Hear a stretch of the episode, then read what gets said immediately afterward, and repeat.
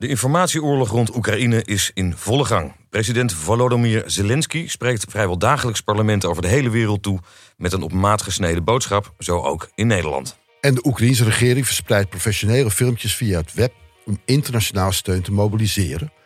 En met groot succes. Waarbij de Russen uiteraard stevast alle beschuldigingen van oorlogsmisdaden ontkennen.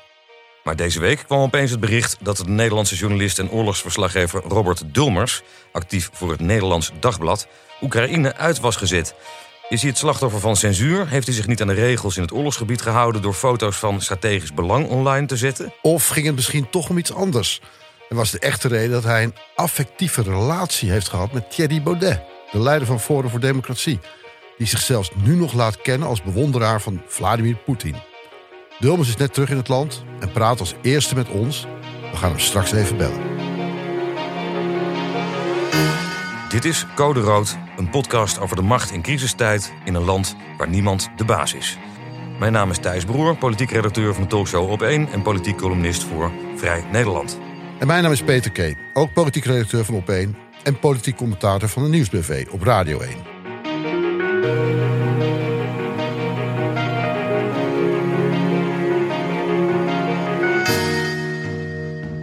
Maar eerst Hugo de Jonge.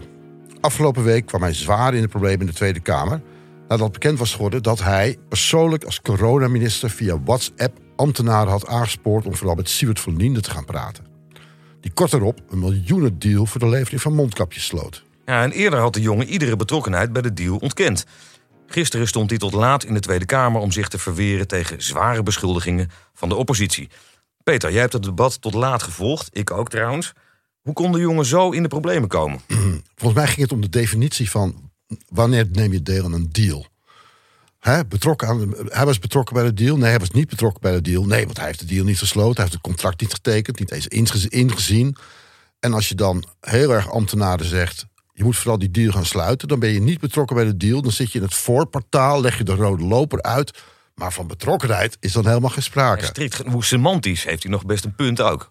Dat het begon allemaal een jaar geleden toen eh Fons Lambi, volgens mij van RTL, hem de vraag stelde: eh, bent, u, eh, bent u betrokken geweest bij de deal zoals die uiteindelijk gestalte heeft gekregen? Ja, daar, kon hij, daar kon hij heel slim natuurlijk op antwoorden: nee. Want zoals hij uiteindelijk gestalte heeft gekregen, dat was nou juist waar hij niet bij betrokken was. Nee, maar goed, hij heeft daarna, daarna nog de nodige vragen over gekregen. Ehm, er is eh, alle mogelijkheid geweest om te zeggen van... Ah, het was een hectische tijd. En natuurlijk heb ik geholpen om, dat, eh, om, om Siewert binnen te halen... want we wilden overal mondkapjes vandaan eh, halen. En, Precies. En we wilden van Sieverts gezeik af, want hij was de hele dag in de media aan het roepen dat VWS zijn zaakjes niet op orde had. en hij kon het zoveel beter. Precies. En hij had Coolblue aan boord en hij had KLM aan boord. Nee, hij zou het allemaal even regelen. ja. Ik werd helemaal gek van die appjes van die gozer. Wat intussen wel bekend was, is dat de politieke assistent van Hugo de Jonge, Bart van der Brink, wel een paar appjes had gestuurd. Maar daar hebben ze het bij gelaten. Hugo de Jonge heeft altijd zijn kiezen stijf op elkaar gehouden. Ja, zelfs hij in- allemaal zelf gedaan heeft. Zelfs in een kamerbrief werd dat weggelaten... dat hij zelf ook enorm appjes had doorgestuurd... en had zitten duwen op die deal. En ook nog super zei toen hij eenmaal gesloten werd. Precies. Nou ja, ehm, ja dat, die definitiekwestie bleef maar in het debat eh, doorgaan. En ehm, ja, toch zie je ook van ja, eh, gast, als het de rapport van Deloitte komt en er zit nog ietsje Dat meer het, in. dat is het rapport waar nu heel hard aan gewerkt wordt, waar ze anderhalf miljoen, anderhalf miljoen documenten voor het raad. Vijf miljoen. Vijf miljoen zelfs. Ja. Ja, dat is niet normaal. dat is echt zo onvoorstelbaar. Ja. Vijf miljoen. Jezus man. Maar ja, jij bent wel het type die ze allemaal gaat doorzitten lezen dan. Maar Nou, nou, nou, nou, nou. nou, nou, nou. Eh, maar goed, dat rapport moet, moet er tegen de zomer komen. In de afwachting daarvan. Kijk, dat is eerlijk gezegd wat ik zelf al een beetje zag aankomen. Dat de coalitiepartijen zouden gaan zeggen. En dat deden ze bij het debat ook. Ja. Dat ze in afwachting van dat ze niet op het rapport vooruit wilden lopen. Dat eerst alle informatie boven tafel moest komen. Dat dit alleen maar een tussentijdse reportage was. Er is nog een technische, briefing gegeven door iemand van Deloitte. Die eigenlijk alleen maar over de opzet van een onderzoek wilde praten. Tot woede van de Kamer nog geen conclusies wilde trekken. En zelfs gingen zeggen: wij gaan überhaupt geen conclusies trekken. We gaan alleen de feiten weergeven. Dus daar, had je daar, daar stond de voltallige oppositie eh, tot de tanden bewapend. Nou ja, tot de tanden bewapend. In ieder geval eh, grote woede tegenover Hugo de Jonge.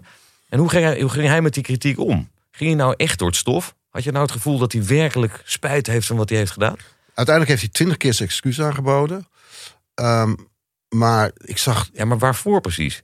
dat hij fouten had gemaakt. Ja. Hoorde ik hem zeggen. Nee, dat was natuurlijk niet een doorleefd excuus. En dat zagen we vandaag terug toen hij bij het ingaan van de ministerraad daar weer een geheel eigen visie op had. Ja, precies. Toen zei hij dat hij diep geraakt was door de twijfel aan zijn integriteit. En trok daar ook een, eh, een heel eh, betrokken gezicht bij. Ehm, en begon weer over het wantrouwen dat de politiek binnen is gecijpeld. Heeft hij ons ook al verteld in zijn allerla eh, allerlaatste mooie slotinterview in Vrij Nederland. Zeker. Eh, dat de avond daarvoor ook al in een eh, nou ja, in wat kortere vorm te zien was bij ons eigen programma op 1. Waarin hij ook begon als, over het grote thema van deze tijd, namelijk het wantrouwen in de politiek. Ja, maar ik kon eigenlijk gezegd alleen maar denken naar zijn, naar zijn korte mededeling na, rond de ministerraad van vanmorgen. Had hij dat nou niet een beetje aan zichzelf te wijten in dit geval? Nou ja, ja, door, ja. Een, door een jaar lang zijn mond te houden wat dan echt aan de gang was. Nou, ik, dat lijkt me toch wel in dit geval. En dat, dat bedoel, hij, laat hij nou die spijt een beetje doorleven. Laat hij nou een beetje zelfreflectie tonen. En ook kunnen eh, toegeven dat hij gewoon fouten maakt. Ja. Zoals de meeste mensen wel eens doen. Hè? Ja, precies. Dat zou enorm hebben geholpen. Ja. En nu was het een soort halfhartige spijtbetuiging... waar de bijna voltallige eh, oppositie geen genoegen mee nam. Hij kreeg een dikke motie van wantrouwen aan zijn broek. Ook van, wat ik niet verwacht had, de Partij van de Arbeid. Eh, Meestal is het toch blaffen niet bijten, maar in dit geval dus wel bijten. Ja, zelfs een, net een middenpartij als de Partij van de Arbeid heeft er geen vertrouwen meer in. Nou, eh, dat kan nog tot heel wat dingen leiden eh, bij het volgende debat, zo aan het begin van de zomer. Maar tot die tijd moeten we ook nog naar andere kwesties kijken. Want ja, afgelopen week werd bekend dat Stef Blok de coördinator van het sanctiebeleid wordt. Nou, dat is toch wel gewoon de, de, de ja. Dus je zou denken Remkes, Koolmees of Ja, en dit, dit gebeurde allemaal nadat Wopke Hoekstra door de Kamer in de nauw werd gedreven. En eigenlijk helemaal geen eh, overzicht bleek te hebben over wat er nou allemaal aan sanctiebeleid überhaupt bestond in Nederland. En wie waarvoor verantwoordelijk was. Eén grote bende, er waren zeven verschillende ministeries bij betrokken, geloof ik. En toen heeft Wopke in plaats van te doen waar hij zelf voor aangenomen is, namelijk coördineren, de volgende dag in een soort kennelijk halve paniek geroepen dat er een coördinator aangesteld zou worden. Nou, de, Kamer drong daarop aan. En ze hadden de dag daarna ministerraad... na zijn wanvertoning in de, in de, in de Tweede Kamer. Ja, En toen hebben ze bedacht... eh, ik denk dat toen gezegd is... er moet nu een, eh, iemand komen die dit coördineert. En toen zijn ze natuurlijk gaan bellen. Ik had vandaag een gesprekje met Henk Kamp. Dus ik zei, Henk, eh Stef Blok, wat is dat? Kon je Kamp, niet? de, de oud-minister van de VVD, die op talloze ministeries heeft gezeten. Ja, was jij niet zelf... Toen Rutte belde, heb je toen gezegd... ik ben niet beschikbaar of zo? Toen zei hij, nou... ik doe geen mededelingen over mijn gesprekken met Rutte naar jou. dan weet je wel hoe laat het is. Ja, dat denk je, oké, duidelijk. En toen de, in de volgende zin zei hij: Dit is belachelijk. Belachelijk dat eh, eh, daarvoor een, een, iemand van buiten wordt binnen, wordt, naar binnen wordt gehaald. Dit moet je gewoon opdragen aan een hoge ambtenaar. Er zijn genoeg ambtenaren in Den Haag die dat kunnen. Je haalt niet een eh, externe figuur hier, hiervoor naar binnen. Nou, Ja, waar ook nog de eigen regels van het, eh, van het, eh, eh, van het kabinet voor aan de kant gezet moesten worden. Hè? Want eigenlijk hoor je als oud bewindspersoon je niet meer bezig draaideur. beleidsdomeinen, beleidsterreinen waar je zelf mede verantwoordelijk voor bent geweest. Ja. Maar om praktische redenen dachten ze, laten we Stef Blok maar vragen, want die heeft ook op drie verschillende ministeries gezeten. En een geweldig cv toch, als het gaat om sancties ten opzichte van het bedrijfsleven. Nou ja, god, daar moesten we ook opeens weer aan denken. Ja, die, Stef Blok is de man die er buitengewoon trots op was... dat hij in ieder geval één ding voor elkaar had gekregen... namelijk het onttakelen van het ministerie van Wonen en van Ruimtelijke Ordening. Eh, waarbij hij ook nog de huizenmarkt wijd open heeft gegooid... voor grote beleggers met stijgende huurprijzen... en nog meer woningnood tot gevolg. En uitgerekend de man die dat bedrijfsleven altijd ruim baan wilde geven... die moet nu het bedrijfsleven aan banden leggen. Hoe geloofwaardig is dat? Nou ja, ik, ja het, je twijfelt, maar het, kijk, hij is wel streng. We kennen hem wel als een strenge man. Dus ja, Ja, dat is waar. Hij is een man met weinig fantasie en weinig verbeelding. Die gaat wel, waar hij wel toe in staat is andere mensen bij de les houden. Ik kan me nog herinneren dat ooit tijdens de kabinetsformatie van het eh, kabinet van, van Diederik Samsom en Mark Rutte. Uh, Diederik Samsom mooie grote wervende toekomstvisioenen wilde gaan schetsen. En dat eh, Stef Blok toen zei, nou met een, eh, kunnen we niet gewoon een overheadpresentatie houden. Met de spreadsheet, met de spread, dat was het ja, met de spreadsheet ben ik ook wel tevreden. Zo'n man is Stef Blok. Nou, ik hoop dat hij, eh, dat hij baat heeft bij zijn spreadsheets... en de anderen in ieder geval bij de les weet te houden de komende tijd. zo is dat. En dan de informatieoorlog rond Oekraïne en de uitzetting van oorlogsverslaggever Robert Dulmers. Van de week kwam opeens het bericht dat Robert Dulmers, oorlogsverslaggever voor het Nederlands Dagblad, met geweld Oekraïne uit was gezet. Hoe zat dat precies, Thijs? Nou, toen dat bericht doorkwam, toen leek het er eerst op... dat de Oekraïnse regering eh, ook niet zo heilig is als sommige mensen denken dat hij is. En dat er eigenlijk een soort censuur was gepleegd. Dat er een lastige journalist rondliep, ook nog, wel, ook nog een Nederlander, die pardoes het land uit was gekieperd. Ja. En de eerste commentaren waren: oh, nou, de Oekraïners zijn als het erop aankomt ook geen haar beter dan, eh, dan eh, Poetin. Die ook een Nederlandse verslaggevers, internationale verslaggevers, gewoon Moskou uitgooit en niet meer het land binnenlaat. Maar wat Eh, had hij nou precies gedaan? Wat werd hem nou precies verweten? Nou, vervolgens bleek, en dat leek het, leek het verhaal te zijn, ehm, kwamen de berichten van andere journalisten in Oekraïne dat hij zich niet aan de regels in het oorlogsgebied had gehouden, waar je in principe eh, toe geaccrediteerd bent, door beelden van een Russische raketaanval op Odessa eh, op hetzelfde moment ongeveer online te zetten. Strategische informatie dus. Oké, volgens mij hebben we dat filmpje. Dat kunnen we even laten horen, denk ik. Hè? Ja.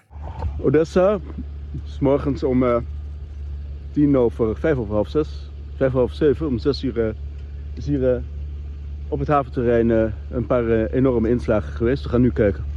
Dat was het heel kort filmpje, maar wat schreef hij erbij? Four rockets, four hits. Ja, dat klinkt wel als, eh, als strategische informatie, zou je kunnen denken. Hè? Ja, Daar hebben de. Russen wel wat aan. Ja, precies. Ja. Even, even, even Robert vol- volgen op internet en je weet precies... eh, oh, alle, alle vier keer raakt, dan gooien we er nog zes bovenop. Ja, dat is nou net die informatie die de Oekraïnse regering waarschijnlijk niet online wil hebben. Precies. Dus dat leek me ook niet zo heel handig van Robert. Maar vervolgens gebeurde er nog iets geks. Toen zong op internet opeens rond dat Dulmers in Oekraïne geprobeerd zou hebben... jonge jongens te verleiden door ze dronken te voeren met wodka. Ja, er ging zelfs een plaatje rond van zijn visitekaartje, toch? Met de uitnodigende tekst: dinner, wodka. En wodka. Is tegenwoordig verboden. Althans Russische wodka in Oekraïne. Pijnlijk, pijnlijk. Ehm, Nou ja, woensdag, woensdag kwam Sjeer Kuiper opeens eh, op de prop. Hè? De onkreukbare hoofdredacteur van het Nederlands Dagblad. Die had een heel andere verklaring.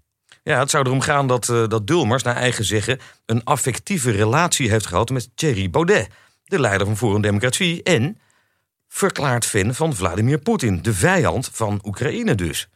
Hebben we daar ook een fragment van? Dat hebben we. En op een of andere manier heeft deze, eh, eh, is, is tot Oekraïense eh, activisten doorgedrongen dat eh, de- onze verslaggever tot 2016 een relatie had met Thierry Baudet. Dat wisten wij overigens. Ik bedoel, toen wij in februari contact met hem hadden, toen, eh, toen vertelde hij dat gewoon van ja, Ja. dat is een, eh, eh, zeg maar, dat is niet een politieke relatie, maar een affectieve relatie geweest. eh, is al lang verbroken en tegenwoordig laat ik hem weten dat hij helemaal op het verkeerde spoor zit, et cetera. Ja, ze waren vrienden, dus. Ja, Ja? ja. Nou, die toch zegt, Nederlands Dagblad. Eh, wat is hij toch een vrij, een vrij denkende man geworden eigenlijk. degelijke. Gewoon Ja. Robert Dulmers aan. Een degelijke, zwaar gereformeerde krant. Ja, Streng in de leer. En dan deze openlijke homoseksueel met al zijn flamboyante neigingen naar oorlogsgebied sturen. het kan alleen als je niet meer praktiserend homo bent, toch? Of, of is dat, hebben ze dat losgelaten? Nou, misschien is dat het dan. Ja, en op dat moment, op het moment dat Sjeer Kuiper dus met deze verklaring kwam op de radio... toen ging er al een tijdje een tweet van Dulmers van begin maart over het web... met een selfie van Dulmers en Thierry Baudet... met ontblote, Oh, ja, ontblote bovenlijven op een bootje... eh, ergens over de Amstel, denk ik, met een glaasje in de hand... en een tekstje van Dulmers erbij over zijn gewezen vriendje TB. Ja, hij had, volgens mij had hij er wel wat bijgeschreven, wat ook wel opmerkelijk was. Want volgens mij stond erbij, maar Thierry sport niet meer. Ik hield ooit veel van hem. Ja, en een, wat vervolgens ook nog zichtbaar werd... is een selfie van Dulmers en Baudet... die samen zwoel in de camera kijken... met een net geopende oester in de hand. Nou, dan weet je wel wat het betekent, toch? Ja, maar de grote vraag is, wat is er nou echt aan de hand? Hoe zit het nou? Ehm Thijs, jij kent hem volgens mij al heel lang, toch? Die Robert Dulmers. Heb jij niet, eh, heb je hem niet met hem gewerkt? Of heb je... Ja, toen ik nog niet zo lang bij Vrij Nederland werkte... dat is, nou, weet ik wel, 15, 16 jaar geleden of zo... toen ehm, eh, dook Robert Dulmers op een gegeven moment ook op... als freelancer met een soort vaste werkafspraak bij eh, Vrij Nederland... Was dat, een, was dat een opmerkelijke figuur daar? Viel die meteen op? Dat was hij nogal. Ja, hij is een nogal tamelijk flamboyant heerschapje. Eh, met een ongelooflijk grote mond en een enorm netwerk. Eh, en ook met hele lange tenen en veel energie. Een schitterend Eh, artikel. ex- Excentrieke, excentrieke figuur. Hij kon prachtig schrijven. Ehm, maar was ook een lastige gast. Weet je, hij stond dan. Hij had, schreef bijvoorbeeld veel over de katholieke kerk. En, althans, daar wilde hij gra- graag veel over schrijven. Hij had allerlei contacten in de katholieke kerk ook. En dan ging hij met een of andere bisschop staan bellen. En op luide toon. Ah, monseigneur! roepen over de, over de redactie. Nou, daar, daar hield niet iedereen van op de redactie. Ik vond het heel leuk. Kan Nee, dat was ook niet echt het blad voor heel veel stukken over de katholieke kerk, toch? Nee, dat is waar. Dat, is, dat maakt het er ook niet makkelijker op. En mensen vonden hem geval een soort rare stoorzender met al zijn, eh, al zijn geroep en gedoe. Maar goed, ik kon het persoonlijk altijd wel goed met hem vinden. Op een gegeven moment kwam daar ook een einde aan. Want toen had hij een, eh, een, een groot artikel geschreven over een nieuw verschijnsel, namelijk barebekken in, uh, in homoclubs in Amsterdam. Klinkt heel Barebekken interessant. zonder condoom, flink aan de slag. Heel anders dan de katholieke wereld. Precies, terwijl, de- terwijl de angst voor aids toen weliswaar wat minder was geworden in de jaren tachtig, maar nog steeds wel een beetje in de lucht hing. Dus daar had hij middels participerende observatie een prachtig verhaal over gemaakt. Vervolgens ehm, kwam de hoofdredactie met de kritiek dat een van die passages in dat stuk toch wel een beetje leek op een ander artikel over hetzelfde Ja, wat, wat, voor soort passage was er dan? Wat, wat stonden daar voor dingen in? over damp, dampende lijven in het, in het rossige licht, eh, in het halfduister, weet je zoiets. Op zich wel begrijpelijke omschrijving. Ja, ik dacht eerlijk gezegd, nou ja, dat is gewoon wat het is. Dus is het nou plagiaat? Die zinnetjes waren ook net anders. Het zijn gewoon beelden die je dan te binnen schiet. Dus ik vond het zelf eigenlijk helemaal niet plagiaat. Als het voor de rechter had laten komen, dan eh, had de hoofdredactie geen schijn van kans gehad. Dus ik heb altijd sterk het gevoel gehad dat ze die passage toen gebruikt hebben als stok om de hond te slaan. En is hij om die reden toen En weggestuurd? toen is hij, ja, toen is hij eigenlijk toen is hij vertrokken. Vanwege een Ja, passage waar ja. plagiaat leek. Ja, precies. Ja. Nou, huilend van woede. En nu dook hij dus opeens weer op. Ik heb hem een tijdje niet zo gevolgd.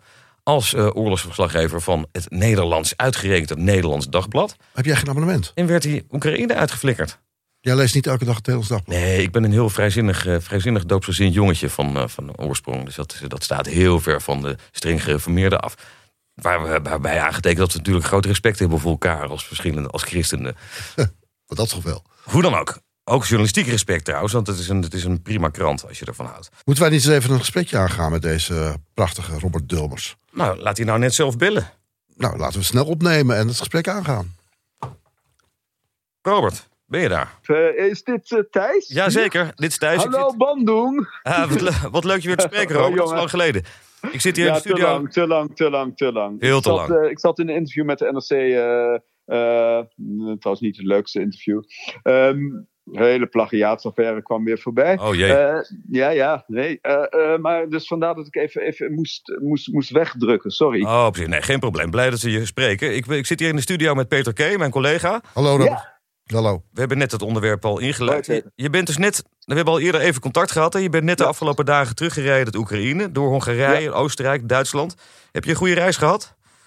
Eh, Moldavië was je vergeten als eerste land. Het arme vergeten Moldavië. Ach, jee. Eh, dat, dat, dat maar eh, aangeplakt bij Europa zit en niemand kent. Ja. En 300.000 eh, vluchtelingen heeft op een bevolking van 700.000, geloof ik. Lang leven Moldavië. Nee, ja, ik heb een aangename reis gehad in die zin dat, dat het onderbroken werd door constante telefoontjes en constante desinformatie, ook van de kant van Oekraïne over mijn uitzetting. Het is je waarschijnlijk niet ontgaan. Nee, zeker niet. Nee, dat heeft iedereen in Nederland wel ongeveer meegekregen. Maar laten we, Nou, laten we ja. bij het begin beginnen. Want wat is er nou Ja. precies gebeurd? Je werd aan het begin van deze week opeens opgepakt door de militaire politie. Was, was het militaire politie? Hoe ging Eh, dat? geen idee. eh, eh, men heeft zich niet gelegitimeerd. Nou, wat er gebeurde was het volgende. Afgelopen zondag om eh, 6 uur 1 werd ik wakker van een paar eh, enorme dreunen en het eh, trillen van mijn raam. Ik had een appartement in centrum Odessa, eh, in Zuid-Oekraïne. Tegelijkertijd werd er op mijn deur geklopt door de buren. en waren er grote rookwolken te zien boven Odessa. Nou, de stad Odessa, derde stad in het land, grootste havenstad, eh, had dus op dat moment zijn grootste, eh, de grootste aanval sinds het begin van de oorlog. Eh, ik ben toen direct in mijn auto gestapt, richting de rookpluimen die eh 70 meter boven de stad uitstegen. Vier waren het er. Odessa is een platte stad aan de haven. Gereden. Iedereen kon dat zien. Het was, ik kwam er aan om 6 uur 28.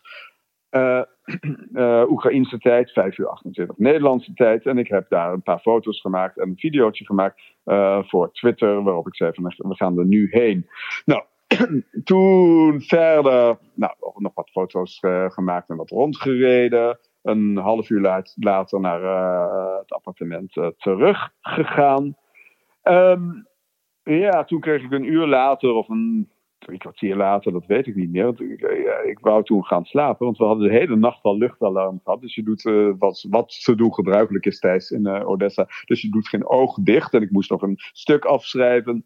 Eh, maar ik werd dus door een plaatselijke evangelist uit mijn bed geappt. Van ja, maar Ro- Robert, dat kan je toch niet plaatsen? Er is een verbod op het plaatsen van eh, van inslagen. Nou, Wat, wat had je eh, precies nou, geplaatst? Je had gewoon de, de, voor, eh, vier, vier rookwolken boven de stad. En eh, mijn ongekamde haar, eh, foto, video erbij. Ik, Ja. weet maar had je er ook bij gezet voor- via ja, voltreffers? ja, of, ja, eh, nee, vier, vier, vier, rake- vier raketten, vier, vier treffers. En dat was ook de enige eh, informatie die ik op dat moment, eh, want we hoorden vier bangen, eh, hè, vier bang. Dat was natuurlijk ook de enige feitelijke informatie die ik op dat moment kon geven. Ja.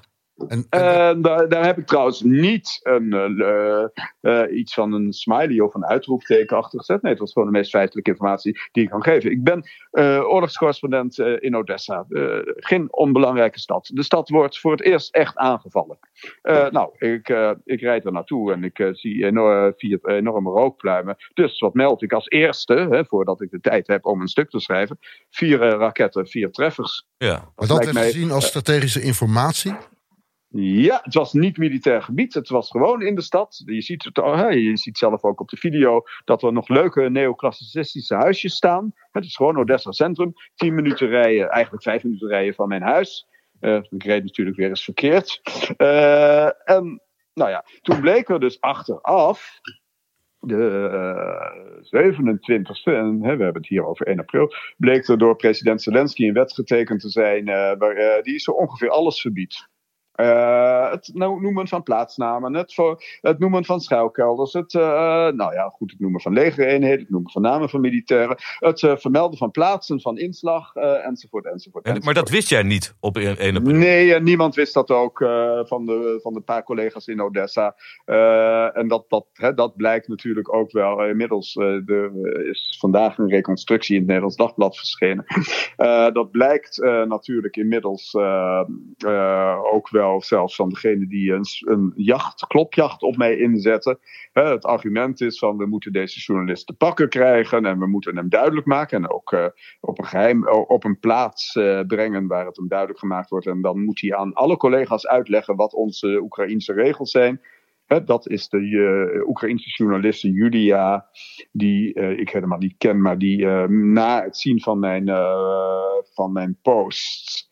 Eh, eh, meende dat ik eh, opgespoord moest worden. En dan zou ik aan alle collega's Waarschijnlijk met een pistool op mijn kop neem ik aan, want dat zou ik echt niet vrijwillig doen. Aan alle collega's de Oekraïnse regels voor eens en voor altijd uit gaan leggen. En dit, en dit zag je allemaal voorbij komen op, eh, op Twitter en zo? op nou, ik sliep, ik sliep het eerste uur daarna. Eh, maar dat kwam inderdaad de uren daarna voorbij op Twitter. Ja. Eh, er is een klopjacht naar me, naar me ingezet. Een vrij lullige klopjacht. Want ik woon gewoon tegenover de kathedraal in het centrum Odessa. Ik heb een Nederlandse sportwagen met een knalgele nummerplaat. Dus zo moeilijk was het toch niet om mij te vinden, denk ik. Maar het heeft ze alsnog eh, tot één uur 's middags eh, geko- ge- hè, maar ik, to, to- gekost. Maar toen ik dat las, eh, zo rond eh, twee uur na de, in, na de inslagen, heb ik natuurlijk direct contact opgenomen met het Nederlandse ministerie van Buitenlandse Zaken. En gezegd: jongens, eh, ik word eh, redelijk gewaarschuwd door de Oekraïners. Eh, ook door mensen met contacten van het leger. Van het leger is helemaal niet gecharmeerd. eh, en de stadsregering niet dat jij dit doet. En eh, ga nu je excuus aanbieden. En zeg dat het, dat het je allemaal heel veel spijt. Nou, ik heb toen geantwoord: Nou, dat ga ik niet doen. Want ik, ik werk gewoon binnen. Hè, wat ik toen nog dacht, eh, de, de, de, de regels van mijn persaccreditatie van destijds. Ja. Maar jouw collega's, andere buitenlandse journalisten in Oekraïne, maakten zich ook een beetje boos op jou, geloof ik. Die zeiden op sociale media dat je herhaaldelijk had geweigerd de beelden van internet te verwijderen. Klopt dat? Eh, dat, ik denk niet dat dat mijn buitenlandse collega's waren, overigens, die, dat- die dat zeiden. Eh, nee, luister. eh, ik heb eh, tegen een Oekraïense burger, die mij twee uur later daarop aansprak, die wilde dat ik de Mhm. beelden verwijderde, gezegd dat, dat, eh, dat ik dat A, principieel niet deed, omdat ik gewoon binnen mijn persaccreditatie werkte. Eh, B, eh, Thijs, eh, eh, stel je even voor, ik ben een oorlogscorrespondent en een stad wordt aangevallen. Niet militair gebied, ook, het gaat ook niet dat ik geheime tanks gefotografeerd heb of weet ik wat. Er wordt een stad aangevallen, er staan vier rookkolommen, knalzwarte rookkolommen boven de stad, stad eh, 70 meter hoogte. Je kunt ze in kilometers, tientallen kilometers omtrek zien. En ik zou dat als oorlogscorrespondent niet kunnen berichten?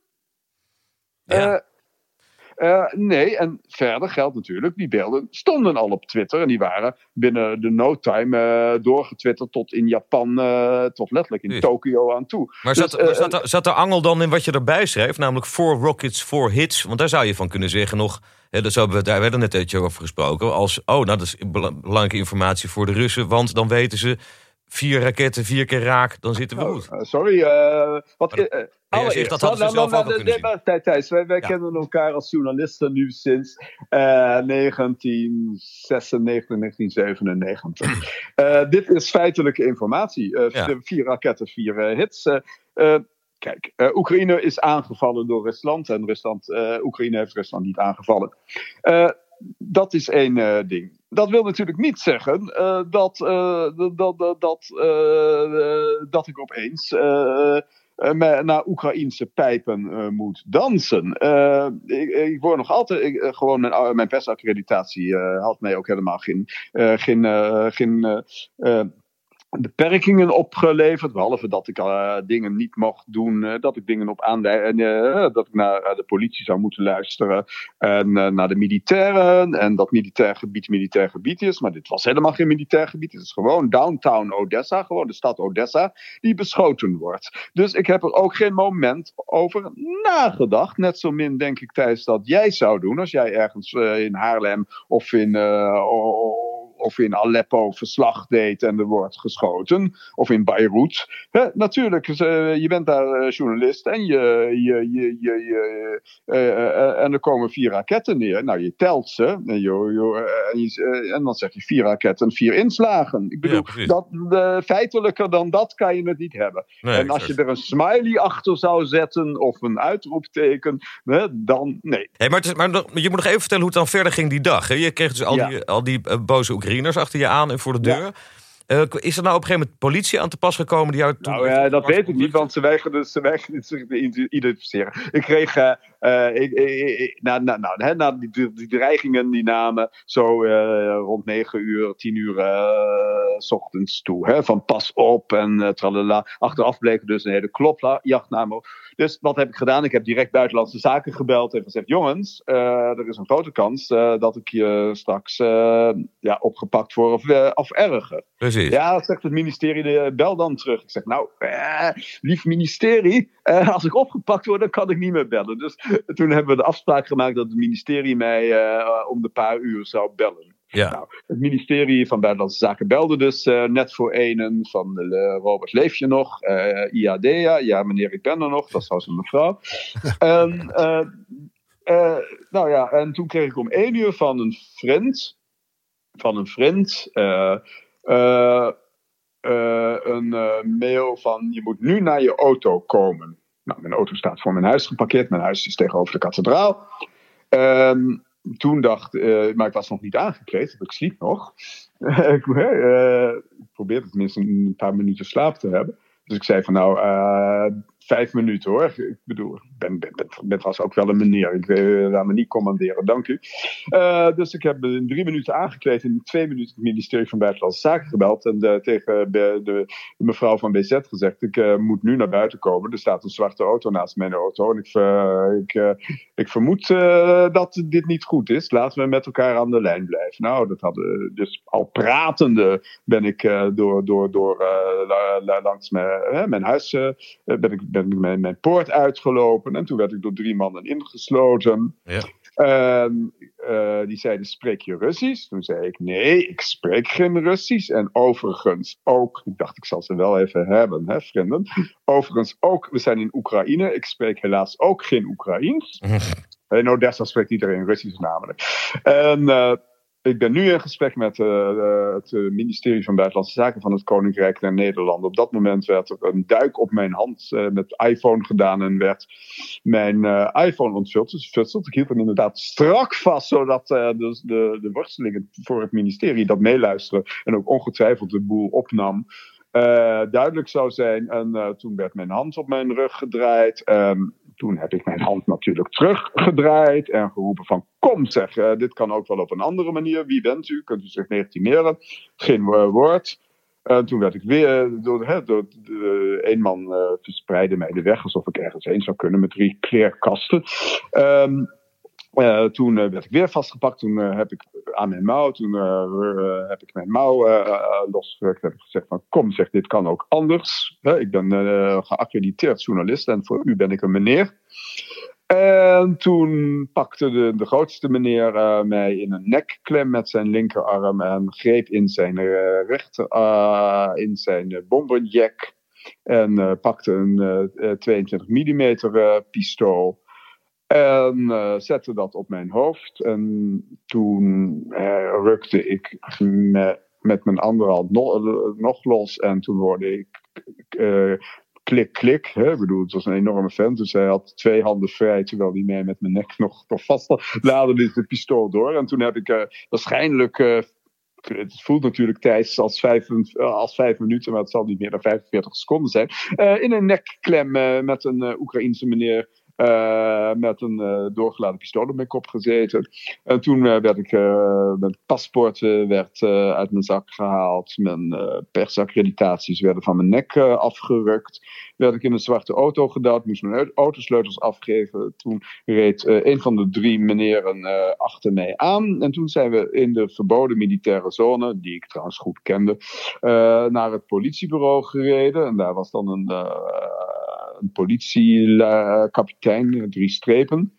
Uh, Paul, die, die, dus enigszins Engels sprak. En die zei van ja, dit zijn mannen van de geheime dienst. En je bent persona non grata verklaard. Want je hebt staatsgeheimen onthuld. Nou, moest je, zei, ik, meteen vertrekken of ben je toen vastgezet in een cel nog? En, uh, nee, ik was niet gearresteerd. Ik zei nog, ben ik gearresteerd? Nee, je bent niet gearresteerd. Je bent persona non grata verklaard. We gaan nu naar jouw, ik zat niet in een hotel, je gaat nu naar jouw appartement. En dan gaan we jouw spullen halen. En dan ga jij, dan word je de grens overgezet. En toen heb ik aan Paul, de politieagent, gevraagd: gaat u dan in ieder geval met mij mee, want u spreekt Engels? En, uh, want uh, de, deze mannen van de geheime politie, die spraken überhaupt verder niet tegen me. Ik zeg, zeg dan te, tegen ze dat uh, ik mijn werk doe en zij hun werk. En, maar dat er kan geen lachje af. En dat ze dat in ieder geval op een beetje huma, normale manier doen. Maar ben je toen diezelfde dag vertrokken ook? Wat? Ben je toen diezelfde dag ook vertrokken, het land uitgegaan? Ben ik vertrokken? Uh, dat, dat, dat, dat getuigt op enige vrijwilligheid. Ik ben natuurlijk uh, naar mijn ja. hotelkamer gesleept, uh, Thijs. met, met een mitrailleur achter me, of nou een Kalashnikov achter me. Ik kreeg vijf minuten om mijn spullen te pakken. Na twee minuten vonden ze dat het lang genoeg geduurd had. En dat ik uh, uh, op moest schieten. En toen ben ik in woede uitgebarsten. En je kent mij een beetje, Thijs. Ja. en toen heb ik gezegd: Godverdomme! Hier niet op mijn uitnodiging waren. En dat ik vijf minuten had. En dat ze ook, verdomme, daar maar even op moesten wachten. En als ze ze niet vinden, dat ze daar maar op konden rotten. En toen zei Paul: van, Ik heb dit maar hadden vertaald. Maar ze zeggen dat als je nu je mond niet houdt, dat je gaat slapen. Oeh, zo. Dat is een serieus dreigement. Ja, nou goed, dit zijn natuurlijk mensen van de geheime diensten. Die zijn uh, echt uh, niet. Uh, die, die, zijn absoluut in staat tot dat soort dingen. Dus, Dit is dus, gewoon de oude KGB. Maar dat nou was ja, voor jou ook wel dus, een moment om wel even je mond te houden, neem ik aan. Ja, ik ben wel goed, maar niet, maar niet achterlijk. Ja, dat klopt. dus toen heb ik een beetje geprut. Je kent me thuis, ik heb een beetje geprutteld, maar, maar, maar niet meer heel hard godverdomme geroepen. en nou ja, toen, toen vijf minuten later inderdaad, werd ik in een geblindeerde auto, dezelfde geblindeerde zwarte auto, geduwd. Naar de grens van Moldavië gereden met achter mij in mijn uh, BMW Z4 een veel te grote agent in dit veel te kleine autootje die erachter reed. En toen ben ik de grens overgezet. En toen mocht je zelf verder in je eigen auto. Ja, uh, nou ja, mijn, mijn, auto werd achter mij, na, mij, mij aangereden. Uh, er werd ook gezegd, bij de grens krijg je je paspoort terug. Nou, daar was dan weer een, toen werd ik dus door de geheime dienst overgedragen aan een weer een aardige politieagent. Er zijn ook heus aardige politieagenten. Namelijk iedereen die niet tot de geheime dienst in Oekraïne behoort, is best aardig. Uh, Dimitri, en die zei van ja, uh, duurt even. Ik, uh, maar ik wil ook nog je rijbewijs en je autopapieren. Maar over een half uurtje, mag je, nee, over twintig minuten mag je de grens over. Dat duurde natuurlijk dus toch nog een uur. En toen kreeg ik in mijn paspoort kreeg ik een, een stempel ehm, van 20 jaar uitgezet. Nou, toen Uh, ben ik naar Moldavië doorgereden, uh, de kilometer uh, niemandsland. Daar kreeg ik ook weer keurig een stempel dat mijn auto was toegelaten. En toen heb ik in Moldavië even het perscentrum in Oekraïne gebeld om zijn verhaal te doen. En, nou ja, dat, iedereen was toch wel redelijk geschokt. Yeah. en toen, toen begonnen de eerste berichten weer verder, of verdere berichten op, op Twitter en op Facebook te verschijnen. Nou ja, precies. En toen kwam een hele wonderlijke geruchtenstroom op gang. Zoals bijvoorbeeld het bericht dat jij geprobeerd zou hebben Oekraïnse jongens met vodka te verleiden. Hoe zat dat in elkaar? Ja, laten we eerst even het eerste bericht nemen. Het eerste bericht was dat ik uh, Oekraïne was uitgezet voor drie jaar. Ja. Dat ik, uh, dat ik daar ook mee akkoord gegaan was. En dat ik daarna, nog net uh, in Moldavië, en dacht van, weet je wat, ik ga terug. Oh? Uh, nou, dat, dat is het eerste bericht. Uh, er staat een reconstructie in het Nederlands Dagblad uh, vandaag. Ja, ja, ja. en dat daarna de Oekraïnse geheime dienst, of nou de luchtmachtofficieren, wat, wat de luchtmachtofficieren trouwens doen bij, bij de grens is mij volkomen onduidelijk, maar dat luchtmachtofficieren van Oekraïne mij toen wederom in de kraag gegrepen hadden. En in plaats van mij dan gewoon de verdiende kogel gegeven hadden, gezegd hebben: Nou, krijg jij geen drie jaar ontzegging, maar tien jaar. Nu staat er in mijn paspoort alleen maar één stempel van tien jaar. Dus of ze hebben me eruit gezet zonder me eruit te zetten. Uh, en, uh, en, ik heb ook maar één autostempel van Moldavië dat ik, er, uh, dat ik erin ben. Dus yeah. dat verhaal klopt niet. Nou, het tweede verhaal is dat ik jongens verleid zou hebben. ja, wat, wat er gebeurde is het volgende. En, en dat er een drankverbod heerst in Oekraïne. Ja, met vodka jongens verleiden. Ja, nou Thijs, uh, je kent mij een beetje. Volgens mij hebben wij ooit nog wel eens een glas gedronken, ooit, jij en ik. ja, dat is waar. uh, nou, tot zover. Uh, nou, dat, in die orde moet je dat zien. ik vind jou ook een leuke jongen. Volgens mij hebben we, hebben we in Café de Jaren best wel, wel eens één of twee glazen gedronken. En, Heb je Thijs mij... verleid? Nou, eh, staat mij niet bij. Jou wel? Nee, dat, daar kan ik me niet van herinneren. nee, nee, nou ja, of ik heb je zo dronken gevoerd. Maar dat was nog voor de tijd dat de GHB in jouw drankje. Nee, maar wij, wij, nee, dit, nou, wat jij wou zeggen was dat het heel onschuldig was dus allemaal. Dit was een uh, diplomaat die mij had gevraagd in het café. Van, ik ben, een diep, uh, ik, heb, een, ik ben politicoloog en ik zit nu op de diplomatenacademie. Ik zou graag met je willen spreken, maar niet hier. Nou, dus we hadden de volgende dag afgesproken. Toen was hij er niet. Ehm, toen, uh, er was een drankverbod in Oekraïne tot 22 of tot 23 uh, eh, maart. En daarna is dat afgeschaft. Nou, op 23 maart zat ik in, in de stad Oeman boven Odessa, waar de slijterijen weer open gingen. Dus ik had daar keurig met mijn creditkaart, en ik heb de kassabon die staat ook op de website van het Nederlands Dagblad. Dus ik heb keurig met mijn creditcard gekocht twee flessen wijn, één fles Oekraïense wodka. Want je kon ook Russische wodka kopen. heel maar verstandig, dat, heel verstandig. Ja, nee, maar nee, ja, nee, ook gewoon uit solidariteit. Ik ga gewoon een Russische wodka kopen. Dat land valt Oekraïne aan op een beestachtige wijze. Dus hè, ik heb helemaal niks tegen Oekraïne. Ja, inmiddels iets meer tegen bepaalde mensen in Oekraïne. Namelijk voornamelijk de geheime dienst. Uh, maar uh, nee, natuurlijk, je koopt geen... Uh, dus ik had toch speciaal de enige niet drinkbare fles Oekraïense wodka gekocht. En die had ik meegenomen. En het drankverbod was door president Zelensky opgegeven. Nou, de jongen was er niet. Dus ik had bij, bij, bij Kirill, de eigenaar van het hipstercafé een kaartje af, achter mijn visitekaartje, gewoon met mijn naam en adres uh, in Amsterdam erop.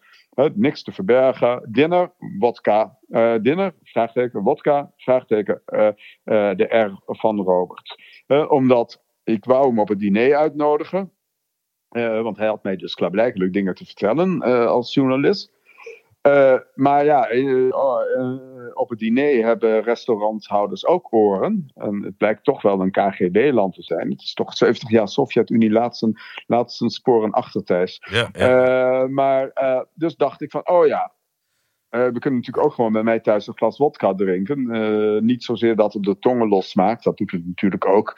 Maar uh, hè, dan, dan, dan, bovendien had de jongen in kwestie erover geklaagd dat het drankverbod was opgeheven, maar dat er in Odessa nog nauwelijks drank te krijgen was. Ja, precies. Maar dat gesprek is überhaupt nooit gekomen dus? Nee, het kaartje is uh, door de jongen uiteindelijk aan de Oekraïnse journalisten die de heksenjacht op mij heeft opgezet uh, overhandigd. Ah. Al of niet onder druk natuurlijk. Dus dit was Maar eigenlijk ja, eh, ik, ik, ik- ik ben, ik ben met de jongen niet zozeer bevriend als wel met zijn vriendin. Dus die zou het misschien aankomen. Ja, precies. Maar toen kwam eh, vlak erop Sjerk Kuiper opeens het nieuws. En die, die vertelde op de radio dat mee zou spelen dat je ooit een affectieve relatie met Thierry Baudet zou hebben gehad. Ja, eh, ik, eh, ik geloof wel. Maar ja, ik, ik zat toen in de auto in, eh, in Moldavië op hobbelpaden. Dus wat eh, de hoofdredacteur van het eh, Nederlands Dagblad gezegd heeft, eh, heb ik niet allemaal meegekregen. Ik, geloof ook wel dat hij de NOS later gebeld heeft, dat hij dat nou niet bedoelde. Eh, als je de feitelijke natuurlijk heb ik een affectieve relatie met Thierry Baudet gehad. Ik bedoel, je zou de enige zijn, Thijs, die dat misschien niet wist. Eh, Ik wist het ook niet 2005 hoor, hier Peter. Nee, nou ja, goed. Ik bedoel, eh, eh, eh, Thierry en ik hebben in 2015 en 2016 een eh, ro- romantische vriendschap gehad. Ja. Thierry is een romanticus. Neem dat maar even van mij aan. Eh, dat ik een romanticus ben, dat weet je. Zeker.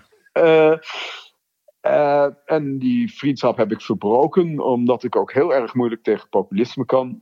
Eh, dat, ik ben ook niet naar Thierry zijn huwelijk gegaan. Maar dat heeft er natuurlijk geen ene fuck mee te maken. Dat is iets. Kijk, ik ben er gewoon uitgezet. Bleek eh, om zeven uur, nadat ik om half zeven dingen gepost had. Daar was om zeven uur het huis te klein van Robert, dat mag je niet doen, er is een nieuw verbod. Nou, Ja, maar heel even, nog heel even, nu ga je te snel, want Thierry Baudet is natuurlijk geen fan van, die, die is eigenlijk verklaarde fan van Vladimir Poetin, Ja, toch? ja, ik geloof, Eh, eh, weet u, eh, ja. Nou ja, Sjerk, legde Ja. die, Sjerk Kuiper legde die relatie ook eigenlijk. Hè, van nou, eh, om die reden is eh Dilbers ook verwijderd. Ja, dat dat verhaal in ieder geval ging, ja, dat heeft hij vermeld. Ja, maar dat verhaal is. is pas- kijk, voordat men achter. Ach- ach- achter kijk, ik heb Thierry eh, eh, op 15 maart eh, de oren gewassen. Eh, op, gewoon in een persoonlijke mail. Ja. Als je één seconde hebt, dan. eh Thierry, moet ik even. Ik heb hem geblokt. Dus, eh, want ik, ik, ik, eh, ik heb Thierry geschreven. Op 15, dinsdag 15 maart. En nou ga je, godverdomme, heel lang nadenken voordat je nog, iets- eh, voordat je nog iets beweert over Rusland, vriend. Terwijl hier in Mykolaiv de lijken van burgers zich opstapelen. Ik wens echt geen loze uitspraken van jou meer te vernemen. Dat heb ik 15 maart om 5 uur 26 in de ochtend aan Thierry En geschreven. heeft hij erop gereageerd? Thierry reageert nooit als hij iets niet leuk vindt. Dus dan doet hij niks. Of dan roept hij ha ha ha. Eh, hier heeft hij niet op gereageerd. Maar goed, eh, eh, ik heb, de vorige keer heb ik op Renske Leijten gestemd. Dus om maar even aan te geven dat, dat ik... Thierry en ik zijn het over alles oneens. Hij houdt van Schumann, ik hou van Schubert. En, en zo blijft dat maar doorgaan. Eh, ik ben niet op zijn huwelijk gekomen, maar ik, ik vind het eigenlijk in, infaam dat ik hier een, een ehm, eh, afstand moet nemen van een gekozen te- eh, vertegenwoordiger, een gezagsdrager van het hoogste gezag hier in Nederland, namelijk de Staten-Generaal. Jij kent mijn stukken, Thijs, neem Ja, ik ja. aan.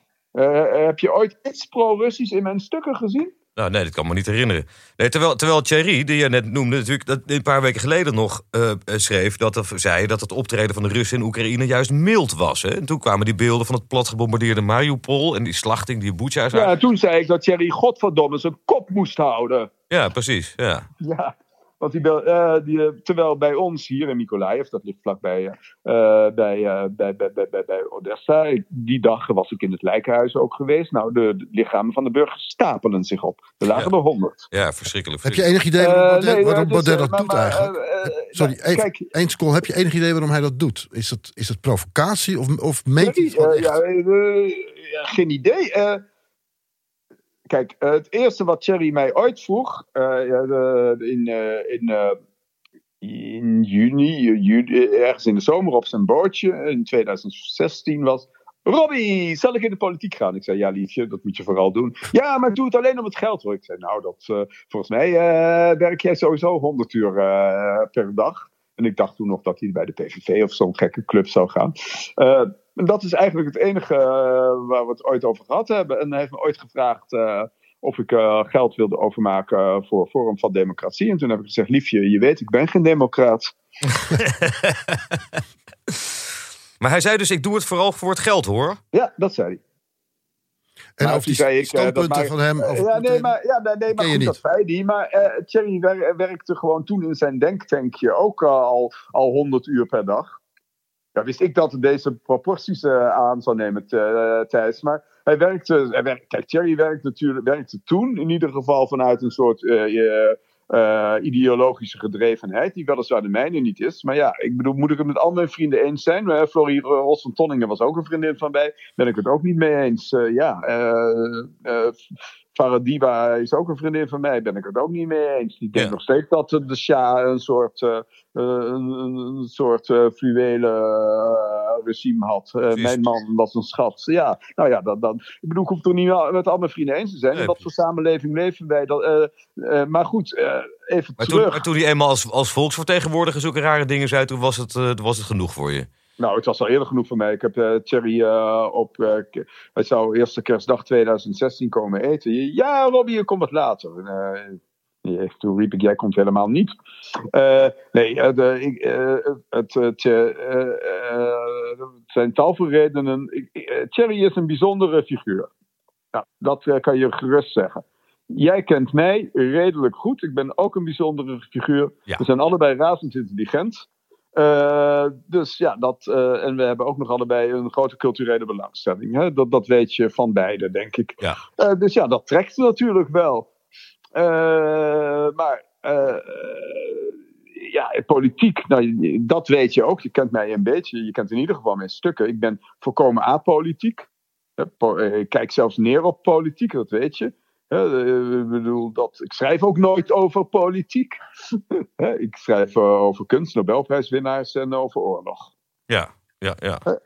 Maar Robert, hoe gaat dit nu verder? Mag je blijven schrijven voor het Nederlands Dagblad? Na al deze ja, natuurlijk mag ik blijven schrijven voor het Nederlands Dagblad. eh, maar eh, dat, dat, dat is het probleem natuurlijk niet. Het probleem is dat in Oekraïne nu zo'n heksenjacht is eh, opgezet. Mhm. Hè, dat ik weliswaar. we- de NVJ en het Nederlands Dagblad en waarschijnlijk het ministerie van Buitenlandse Zaken ook gaan al, natuurlijk allemaal eisen hè, dat, dat Oekraïne, want ik ben er natuurlijk niet officieel uitgegooid, het is allemaal maar. Eh, eh, eh, er is geen aanklacht tegen mij ingediend, er is geen proces gevoerd, er is, is gewoon door een lokaal eh, geheim, geheim dienstje ben ik eruit gegooid en later heeft Kiev toen mijn, accreditatie ingetrokken. Er worden allerlei dingen beweerd. Dat ik. nou ja, er wordt nu beweerd. Dat ik, en dat gaat ook bewezen worden. Dat ik namens een zekere Nederlandse politieke partij. als provocateur naar Oekraïne gestuurd word, ben. Dat maken ze er nu van. Dat staat nu op internet. Ja. Door welke partij? Ja, geen idee. Het is, eh, driemaal rijden. Dat zou dan voor, Ja, voor ik- democratie zijn dus. Geen idee. Ik, eh, ik citeer alleen wat, eh, wat, eh, wat, wat mijn eh, hoofdredactie, het Nederlands Dagblad, op internet ziet. Ja. Maar wil jij En eh, ja, sorry. Wil- wil jij ik, ik, eh, ik, ik, eh, als er één politieke partij. Maar ik vind het, ik vind het bijna niet. Ik vind het bijna onsmakelijk om afstand te moeten nemen van een vroegere vriend.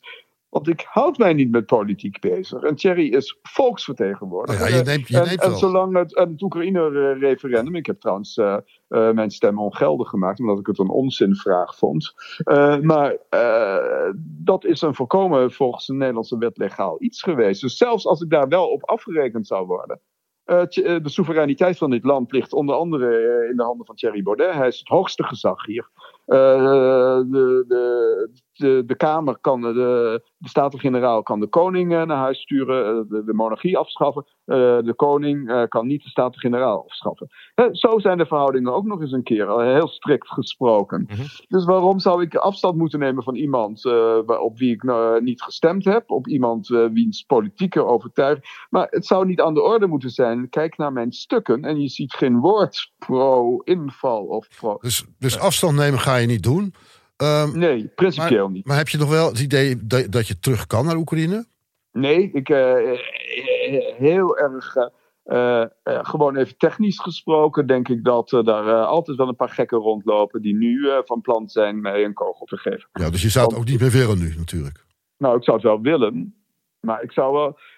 daarom vind ik ook dat minister Hoekstra, de ambassadeur, zoals bijvoorbeeld Sjoerd Sjoerdsma, o- o- o- ook eh, Kamervragen wil stellen, dat, dat, dat, dat Hoekstra de ambassadeur op het matje roept. Want het is namelijk niet niets dat een eh, volledig geaccrediteerde journalist, overigens winnaar van de Loop, eh, Hè, toch niet de onbelangrijkste persprijs hier in dit land. Ja. Eh, de, de- en ik ben al 40 jaar journalist, dank u, al 30 jaar oorlogsjournalist. Dat een journalist het land uitgewezen wordt. En niet officieel. Hè? Ik bedoel, er is nog steeds geen officiële aanklacht van Oekraïne. Er is me nog steeds niet medegedeeld. Eh, die agenten hebben zich niet gelegitimeerd. Eh, dus als Oekraïne zegt een rechtsstaat te zijn, als Zelensky bij de Europese Unie wil horen, omdat hij naar eigen zeggen Europese waarden verdedigt, dan kan dit gewoon niet. En de laatste, laatste vraag, want we moeten er zo uit. Eh, eh, Robert, eh, he- heb je, is Buitenlandse Zaken daar nu mee bezig?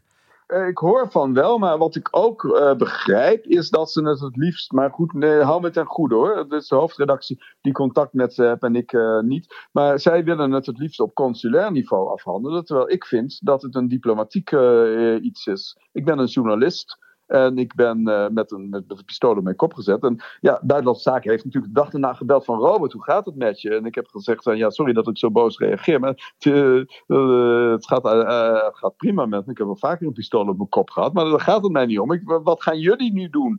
Is de ambassadeur al op, op het matje geroepen? En wat, wat ik nu denk, waar ik bang voor ben, maar dat is ook typisch Nederland. Hè?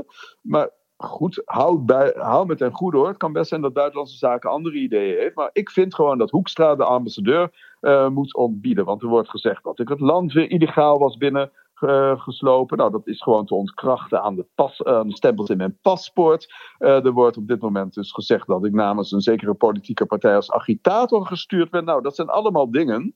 die ook, mijn adres is gepubliceerd hier in Amsterdam. Ja. Savati-straat. 360, hè? laat ik het nu ook maar gewoon hier zeggen. Hè, dan kan, kan de verantwoordelijkheid eh, gedeeld worden. Hè, maar dat, dat, eh, ja, er staan hier straks natuurlijk gewapende Oekraïnse nationalisten op de stoep die denken dat ik een Russische spion ben. Ja. Denk je, Eh, denk je is dat, denk je dat eh, Hoekstra naar je gaat luisteren? Heb je die verwachting nog?